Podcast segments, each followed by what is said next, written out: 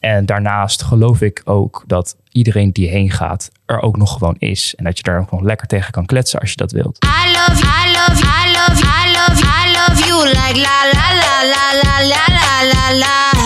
Hallo allemaal en welkom bij een nieuwe aflevering van het Leermoment. De podcast door jong professionals en studenten over drank, studenten, docenten, school, stage, de belangrijke dingen in het leven. Ik ben Emily en ik zit hier aan tafel met Rochelle, Nathaniel en Sebastiaan.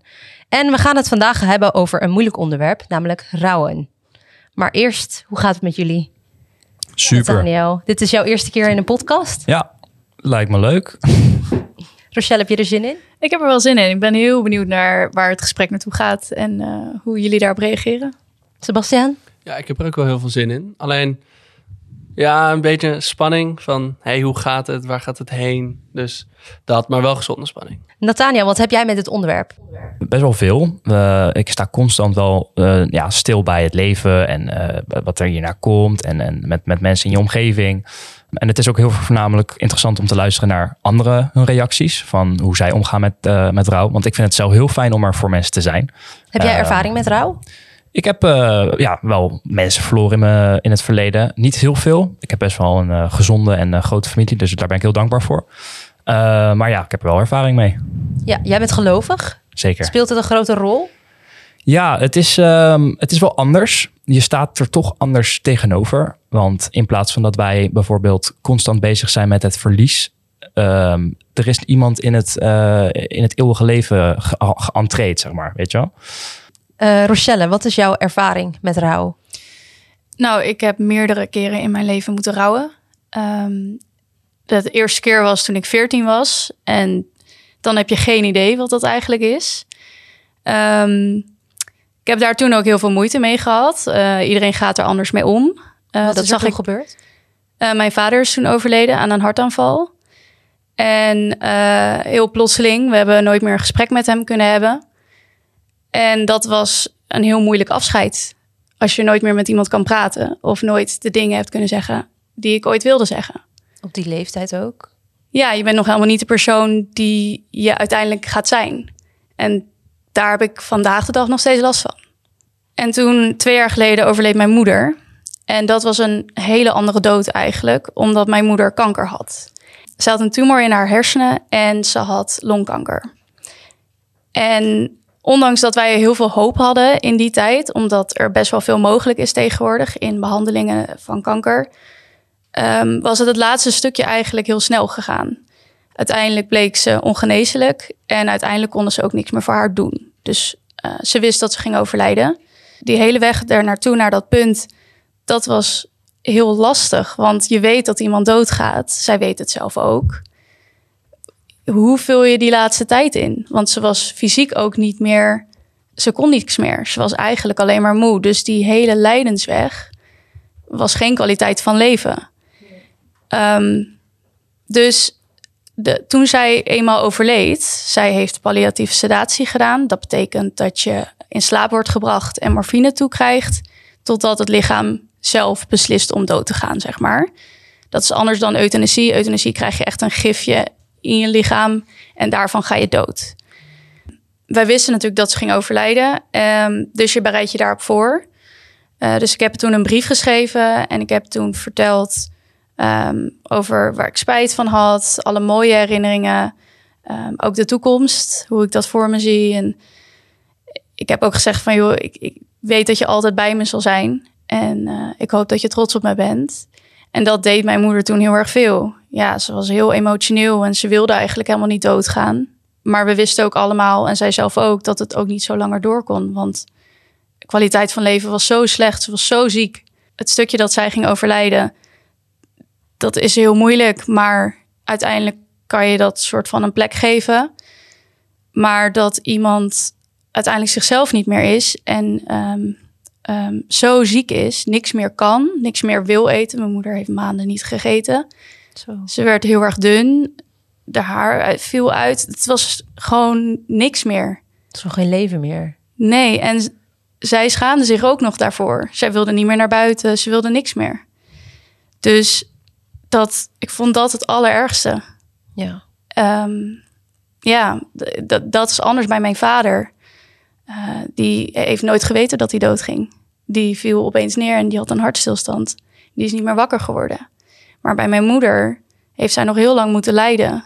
En ik vond dat het allerergst. Ja, Dat, eh, dat lijden, dat gun je niemand. bizar dat je dat op zo'n leeftijd al hebt meegemaakt. Of eigenlijk nu, je bent nog steeds jong. Ja, het gekke is, ehm, waarin ik het vooral merk, is dat iedereen om mij heen nog wel zijn ouders heeft. Ik ken wel veel mensen die één of nou ja, één ouder hebben of een andere situatie hebben. Ehm, maar daardoor komt het vaak aan, aan bod. En dan word je er toch weer aan herinnerd. Ja, Van, oh ja, eh, ik ga even thuis eten. Of ik ga even langs mijn ouders. ja, Eh, of dat mensen vragen, ja, ga je nog wel eens naar je ouders? Of eh, doe je dit? Eh, of je moeder of je vader dit? En dan is het altijd weer van, oh ja, dat heb ik niet. En soms voel ik heel erg de neiging om dat te zeggen. Van, joh, verder niks mee bedoeld, maar ik moet wel even weten dat mijn ouders er niet meer zijn. Eh, ik ben er heel open over. Dat vind ik niet erg dat je het zegt. En het is ook heel begrijpelijk dat je dat niet weet. Maar ja, en soms denk ik van, ik heb helemaal geen zin om het hierover te hebben. Nee, En dan zeg ik het niet. nee, precies. Maar het raakt je wel altijd als andere mensen over de ouders praten. Ja, Ja, ja ergens wel. Dat ja, snap ik, ja. het is weer even een herinnering daaraan. ja, dat is even een pijnlijk moment inderdaad. Ja. Ja. Sebastian, jij hebt ook ervaring met rouw. Ja, Zou Ja. je er ook iets over kunnen vertellen? ja. Eh, ja, ik ben een beetje onder de indruk van, het, van Rochelle en Ja, het verhaal. Dat snap ik. Maar, Heb jij, eh, want eh, misschien zijn er wel bepaalde dingen heel herkenbaar voor je. Nee, eigenlijk, ja, tuurlijk. eh, een aantal dingen wel wat je zegt over wat je met je vader had. Dat je spijt hebt, dat je dingen niet hebt verteld. Dat heb ik ook wel heel erg zo ervaren. Maar ik heb een hele andere manier van, van rouwen gehad eigenlijk. Ik heb het... Het is ook, voor mij is het nu anderhalf jaar geleden, iets langer. Zo, dat is nog heel recent. Ja, en ik ben nooit echt tot, tot het, voor mij gevoel, tot het rouwen aangekomen. Ik ben, toen, toen het gebeurd is, ben ik eigenlijk heel snel een heel donker plekje ingegaan. En daar ben ik toen wel uitgekomen, maar eh, ik ben nog nooit echt, echt toegekomen aan het rouwen. Dus ja, En waarom ben je daar niet aan toegekomen? ja, er zit voor mij eh, heel veel spijt. Ik heb eh, mijn zusje nooit meer levend gezien. En ja. Het gaat over je zusje. ja, ik zal even bij het begin beginnen. Ehm, ik had een zusje van 13 jaar oud. Ehm, maar die woonde bij mijn vader altijd. En eh, ik had heel slecht contact met mijn vader. Eh, dus die heb ik, uh, naar mate van incidenten die ervoor zijn gekomen, heb ik besloten om daar niet meer heen te gaan. Om het mijn hele ritme ook verpesten en zulke dingen. Dus toen heb ik haar een tijd niet gezien. En toen heb ik ook heel lang geen contact met haar gehad, omdat het altijd me herinnerde aan mijn vader. En um, toen kreeg ik uh, te horen dat mijn zusje lymfekanker had. En uh, dat, dat was. Um, Hoe oud was ze toen? Uh, 13. 13. Ze is, uh, ja, daar kom ik zo bij. En jij was? Ik was nog niet eens twee jaar geleden. Ik was 18. Ja. Oh, ja. ja. ja. Dus um, ze had lymfekanker. En uh, het was extreem goed te verhelpen. Het was echt 95% op uh, de mogelijkheid dat het verholpen zou worden. Maar toen um, ging ze aan de chemokuur. En toen had ik haar nog steeds niet gezien. Ik had wel een aantal keer met haar gebeld. Maar toen ging ze aan de chemokuur. En toen uh, is de chemokuur verkeerd aangeslagen. Waardoor één op de miljoen mensen hebben daar een probleem mee. Dan vallen je nieren Zo. en je uh, lever valt uit. En uh, normaal gaan ze altijd aan, maar die ging nooit meer aan. Dus toen heeft ze, um, is ze één op de andere dag, over twee dagen is in een uh, coma beland. Uh, toen uh, helemaal, helemaal aan het opzwellen en dergelijke dingen. En toen pas ben ik gekomen en toen heb ik haar nooit meer levend gezien. En toen is uiteindelijk na drie dagen is, uh, is, is haar hartje laten stoppen door middel van de bloedzuivering te stoppen, als het goed is. Ja, en dat is allemaal in een tijdbestek van uh, drie weken gebeurd. Van de constatering tot het overlijden. En uh, ja, daar kwam gewoon ontzettend veel spijt kwijt. Dat ik, dat ik er nooit eerder ben geweest en zulke dingen. En daarom heb ik voor mijn gevoel nog niet echt een rouw meegemaakt. Omdat ik het echt heel erg weg heb gestopt. En hoe deed je dit? Het wegstoppen? Gewoon heel veel druk zijn. Heel veel bevinden met andere dingen. Heel veel, gewoon heel veel doen. Gewoon altijd iets doen om maar bezig te zijn. Ik, ik kan nog steeds tot de dag... Ja, Neem je tijd.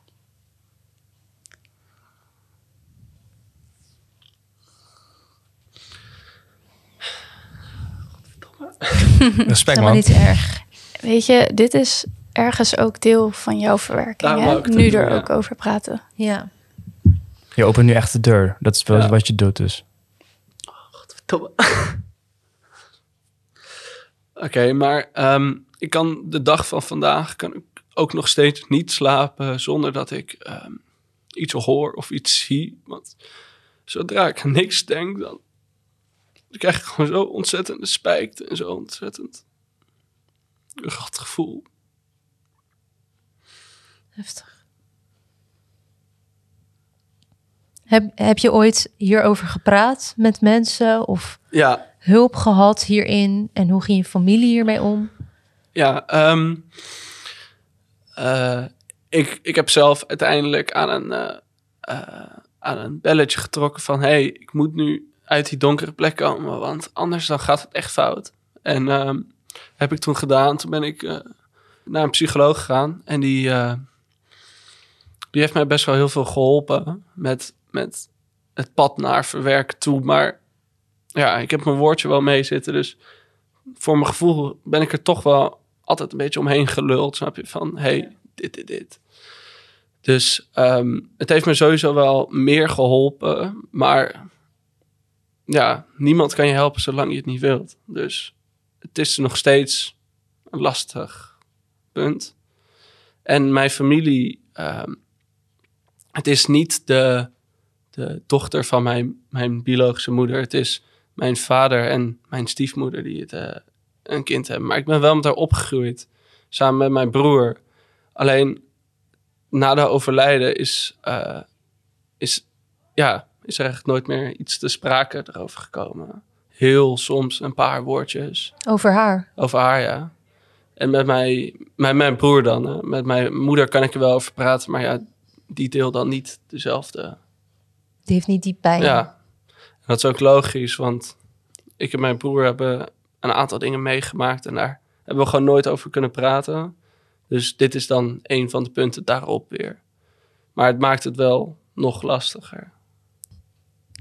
Heb je het idee dat je er nu voor open staat om toe te geven aan die rouw? Ja, ehm, dat is dus heel erg lastig, want ik, ik zit een beetje voor mijn gevoel ook weer in nu al zo lang in het tijdperk dat ik het gevoel heb dat ik geen tijd en ruimte eraan kan geven. Want eh, voor mij kan ik het niet permitteren dat ik nu kapot ga zijn en dat ik niet mijn shit in orde heb en dat ik niet verder ga met mijn leven. Snap je? Ja. Door je studie of door... Door, door, omdat ik nu eh, na clipjes ben ik klaar met mijn studie. En eh, ja, dat, dat gevoel dat ik druk heb om toekomst te bouwen. En dat is ook toen ik ehm, druk, ik, ik wil niet soort van ook weer mijn tijd daaraan aan verdoen. Snap je? Dus ik vind het heel lastig om daar soort van ook tijd voor in te plannen. En daarom gaat vergeten makkelijker dan, dan de rouwen en eraan denken. Het wegstoppen. Ja. Ja. Heb jij hier ervaring mee, Rochelle? Heb jij ja, vergelijkbare ervaringen waarvan je zegt, nou, ik heb het toen zo gedaan? Nou ja, als iemand overlijdt, dan heb je eigenlijk gelijk dat je in een soort regelmodus komt, omdat je moet de begrafenis regelen. Ehm, nou ja, wij hadden dan het huis van mijn moeder, dat al de spullen daarin moest verdeeld worden. Ehm, dus ik snap heel goed van dat je dan druk bent en je dus nog geen tijd hebt om te rouwen. Ehm, tegelijkertijd, wat, ik, wat je nu vertelt over dat je het eigenlijk wil vergeten of dat je het aan het inplannen bent, denk ik niet dat dat uiteindelijk de oplossing zal zijn. Ik denk dat je daaraan moet toegeven dat dit is gebeurd en het is ook ongepland geweest. En dat je de, de tijd moet geven en dat je mag, best mag voelen over wat je voelt en dat het oké is. En ik denk als je ermee wacht, dat het gaat opkroppen en dat het er op een andere manier erger uit gaat komen. Ehm, tuurlijk kan je je studie eerst afronden en dan zeggen van, dan ga ik op mezelf richten. Maar eigenlijk zou het andersom moeten zijn. Ja, dit is iets, kan je niet opzij schuiven. Je moet, je moet eraan toegeven en je moet gaan rouwen. ehm, hoe pijnlijk dat ook kan zijn. Wordt het makkelijker na een tijd? Ehm, ik denk dat het makkelijker wordt, maar ook wat Rochelle zegt, als je er zelf tot toelaat. Als je, en ik, ik kan het nu wel heel makkelijk zeggen, maar ik doe het niet. Maar als je stil gaat zitten en gaat nadenken, of als je nummers gaat luisteren die je eraan moet denken. Als je op zo'n manier actief gaat rouwen, denk ik zeker dat het gaat lukken om het makkelijker te maken. Maar dan moet je het ook wel echt doen. En dat doe jij nu nog niet. Nee, daar ben ik voor mijn gevoel. ik kan wel zeggen niet aan toe, maar ik, ik, ik kan ook wel zeggen, ik, ik maak geen tijd voor, ik heb andere dingen, maar ik doe het gewoon niet. En omdat ik het ook gewoon te spannend vind, denk ik, om die gevoelens aan te raken. Waar ben je bang voor?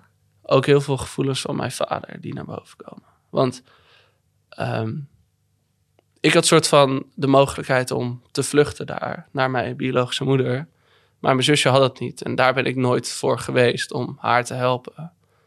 En dat is gewoon die pijn dat daar onderin ligt. Dat het voor mij heel lastig maakt om daar te komen. Want ik ben gewoon heel bang dat ik breek en dat ik dan niet meer mijn dingen kan doen. Ja, dat je er niet meer overheen komt. Nou, dat niet per se, maar dat ik niet meer normaal naar clipjes kan komen. En dat ik, dat ik weet ik veel, dat ik mijn bed niet meer uitkom of zulke dingen. Heftig. Hoe kunnen buitenstaanders, zoals Nathaniel en ik, het beste omgaan met iemand die in rouw is? Wat ik toen aan mijn vrienden en mijn huisgenoten heb gezegd, want iedereen staat inderdaad helemaal voor je klaar, heb ik gezegd van dat jullie er zijn, dat is al genoeg. En ik wil niet alleen zijn. Ik wil niet alleen thuiskomen. Ik wil niet alleen in mijn eentje in een ruimte zitten. Ja. Hoe is dat voor jou, Sebastiaan? Voor mij was het juist heel andersom. Voor mij was het juist, ik wil dat je er bent, maar ik wil dat je juist zorgt dat ik er niet aan denk. Snap je? Ik wil juist Afgeleid. afgeleid worden. Nathaniel, Hi. heb jij wel eens iemand verloren? Ja, ehm, vorig jaar mijn eh, stieftante. Ja, gewoon tante voor mij, laat ik zo zeggen. Eh, die is eh, ook met, door een lange traject van kanker uiteindelijk overleden. Ehm, verder alleen heel veel verhalen en hè, dingen van vrienden gehoord. En dan was ik vaak de persoon die dan hè, moest troosten of luisterend oor aanbood. Dus ik denk dat ik die wel onder de knie heb ondertussen. Ehm, maar voor mij was dat wel, eh, wel heel anders dan bijvoorbeeld als ik kijk naar mijn zusje of naar mijn broertje. Hoe wij omgingen met, nou laat ik dan even ingaan op die tante. Ehm, die zagen wij regelmatig, gewoon een aantal keer per jaar met feestjes. En ineens was dan dat, die melding van nou, hè, eh, het ging al een tijdje eh, niet super goed qua conditie. En de doktoren hadden ook heel veel fouten gemaakt. Dus er zat ook heel veel eh, ja, boosheid wel van in de familie van ja, komt dat er ook nog even bij. Ehm, het had ook zo gekund. Of de, had ik maar, weet je wel, die kwamen heel veel. Eh, maar op het moment dat ik het hoorde, ehm, bereidde ik me meteen al voor mijn hoofd van oké, die is er dadelijk niet meer. Hoe gaan we daarmee om? Wat gaan we dadelijk missen? Ehm, en die heb ik, het klinkt heel stupid misschien, maar al een beetje uit mijn hart gezet vanaf dat moment dat ik het hoorde. Ehm, want dat is blijkbaar mijn manier om dat te doen. Omdat ik het gevoel van verdriet best wel haat. Ik vind het niet fijn om emotioneel te raken. Ik ben be- best wel een sensitief en gevoelig persoon. Als ik een filmpje aanzet, dan eh, kan ik snel traan, eh, tranen laten rollen. En de schuld geven aan zweet of zo, weet je wel. Maar ehm, als het gaat om echt persoonlijke ja, situaties, dan doe ik daar, ja, dat, ja dat, dat, dat, dat laat ik dan maar lekker over me heen komen.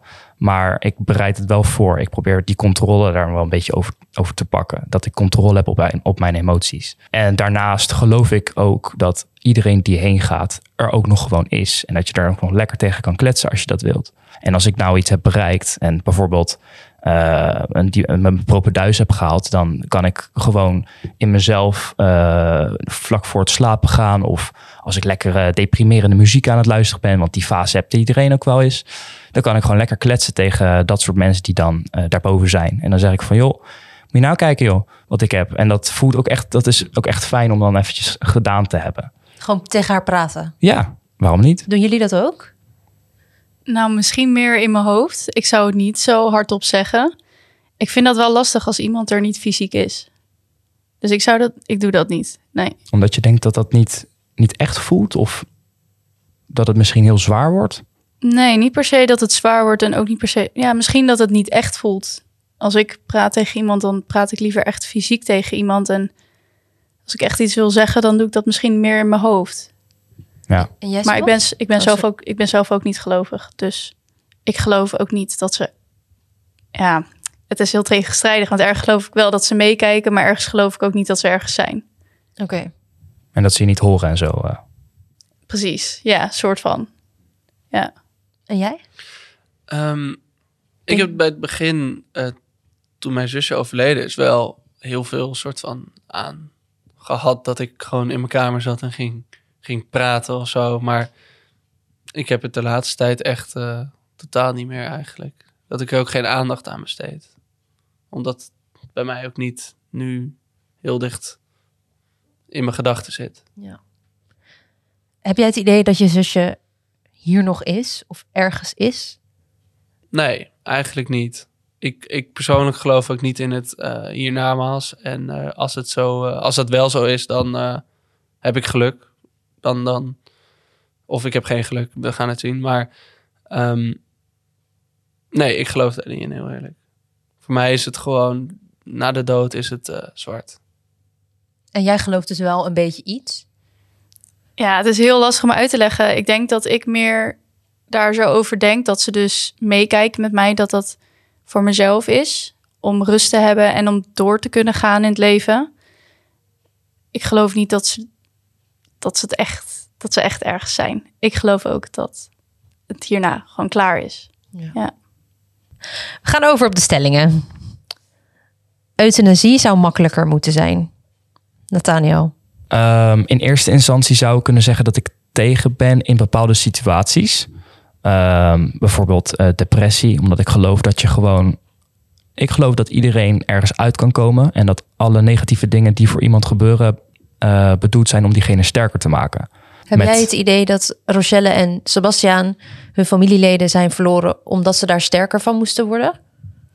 Ik heb het. Ik geloof dat het jullie karakter zo gaat ehm, kneden of, of schuren of buigen dat jullie er sterker voor zullen, van zullen zijn.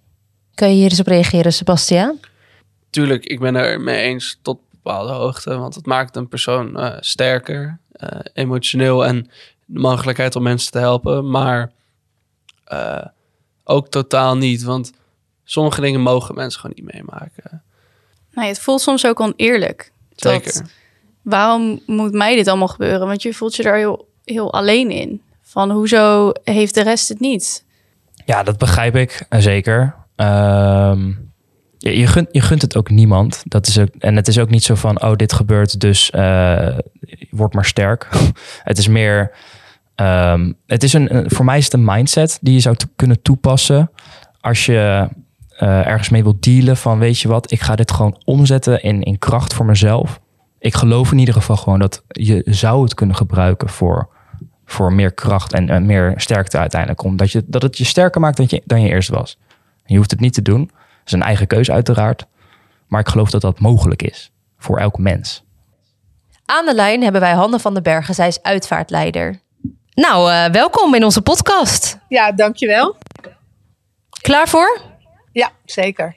Nou, jij bent eh, uitvaartleider en eh, dat op latere leeftijd geworden. Hoe kan dat? Nou, het is zo dat ehm, toen ik jong was al, moet ik zeggen dat ik eh, ooit zelf in een ziekenhuis lag. En toen, ehm, toen ik uit dat ziekenhuis kwam, ehm, bleek dat het op school allemaal niet zo lekker ging. En toen zei mijn vader tegen me: Wat, wat, wat, zou, jij, wat, zou je nou eigenlijk willen? Wat, wat wil je nou eigenlijk worden hè, met, om mij te motiveren? En toen zei ik: Ja, iets van mensentrooster. Ja, zei mijn vader toen, van, eh, maar daar kan je geld niet mee verdienen. Goed, ik ben later mijn geld met andere dingen gaan verdienen. En toen eh, kwam ik bij de omroep terecht als redacteur. Heb ik daar gewerkt. Heb ik twee jaar lang een programma gemaakt, Witte Rozen. En ehm, daar kwam ik in aanraking met allerlei beroepen die met de dood te maken hadden. En dat fascineerde me toch wel. En van al die beroepen leek me het mooist om uitvaartleider te worden. En ehm, ja, op een gegeven moment kreeg ik die kans. Ik ben, eh, toen ik eh, 55 was, ben ik naar de Uitvaartacademie gegaan. En ik heb een opleiding gevolgd voor uitvaartleider. En eh, via een stage eh, ben ik hier terechtgekomen bij het uitvaartcentrum waar ik nu werk. En eh, nou, daar werk ik nog steeds. Nou, wat mooi. Echt vanuit een soort gevoel dat je dus anderen wil helpen. Ja, dat is, dat is het echt. Me- me- een mensentrooster. Dat, zo voel ik mezelf ook. Dat is het belangrijkste bijna van mijn werk. Ja. En hoe doe je dat? Mensen troosten die in rouw zijn? dat is vooral heel goed luisteren. Ehm, soms luisteren naar wat er niet gezegd wordt. Dus kijken hoe mensen reageren. Ook je omgeving eh, nauwlettend eh, opnemen. Ehm, hoe is de sfeer? Hoe is het in huis? Hoe zijn de mensen eraan toe? En het geheim is toch ook wel om niet te snel in de regelstand te gaan. Eerst gewoon even luisteren. Wat hebben die mensen meegemaakt? Is de dood plotseling gekomen? Is er een ziekbed aan vooraf gegaan? Het verhaal moet eruit. Ik denk ook dat die periode van luisteren maakt dat we vertrouwen in elkaar krijgen. Ik vertrouwen in die familie en die familie vertrouwen in mij. En pas als dat vertrouwen er is, dan kunnen we op een goede manier een uitvaart gaan regelen. Ja, want ik kan me voorstellen dat je veel eh, verdrietige mensen tegenkomt in je werk. Ehm, word je daar niet zelf ook heel verdrietig van? Nee, dat is wel raar. Die vraag krijg ik heel vaak. Hè. Mensen denken ook dat ik een heel verdrietig beroep heb. Maar ik heb in de meeste gevallen zelf geen verdriet. Want ik heb de overledene niet gekend. Ehm, ik, heb zelf, ik, ik heb zelf geen rouw. Ik heb geen gemis. Dus ik kan me heel erg richten op de nabestaanden, die wel heel verdrietig zijn. Oké, deze podcast heet het Leermoment. Wat was dan voor u het grootste leermoment? Mijn grootste leermoment, dat, dat heb ik niet zelf ervaren, maar van een collega. Maar bij elke uitvaart die ik regel, ehm, denk ik daaraan. Dat was zo dat mijn collega die kwam bij een gezin waar een babytje was overleden. En ehm, zij kwam om de uitvaart te regelen. Maar ze had zelf ook twee kleine kinderen. En zij, zij leefde zich zo in hoe het is om een babytje te verliezen. Dat ze helemaal met die mensen meeging. Eh, ja, hoe ze mooi afscheid konden nemen. En het, het leek allemaal heel goed te verlopen, dat gesprek. En toen kwam zij terug op het uitvaartcentrum. Hè. Na zo'n gesprek ga je dan weer naar je kantoor om te regelen verder. En toen was er net gebeld door die ouders. En die ouders hadden gezegd: Ja, uw collega is hier net geweest om de uitvaart te regelen van ons dochtertje. Maar we willen toch graag een andere uitvaartleider. Want ehm, zij was zo betrokken en verdrietig. En ja, dat is voor ons, dat kunnen we er niet bij hebben. En ja. ik vond het zo confronterend. Je ziet dus dat je als uitvaartleider toch altijd moet proberen om uit die verdrietzone te blijven. ja. En niet te denken oh, eh, eh, of het mijn kind is, of mijn vader, of mijn moeder. Altijd erboven blijven. En dan daar hebben mensen wat aan. Mensen zitten niet te wachten dat ik meehuil. Die willen echt dat er iemand komt die juist niet huilt. Ja. Zij zijn al heel verdrietig. Dus ik moet daar komen. En ook niet met een, met een zo'n gezicht of met heel somber zijn. Ik moet stevig in mijn schoenen staan. Ik moet goed in mijn vel zitten. En ik moet hen eh, houvast bieden. Dat is belangrijk. En bij elke melding die ik krijg, bij iedereen bij wie ik voor de deur sta, neem ik me dat weer voor. En dat komt door dat ik dit meegemaakt heb van heel dichtbij. Oké, nou heel erg bedankt voor dit gesprek. Dit was hem. Oké. Fijn. Heel veel succes met alles. Yes, dankjewel. Wat was jullie leermoment, Nathaniel? Eh, ik moet even mijn woorden bij elkaar halen. Rochelle. Ik vind dat ook, nee, wacht, ik vind dat ook een moeilijke vraag. Sebastian.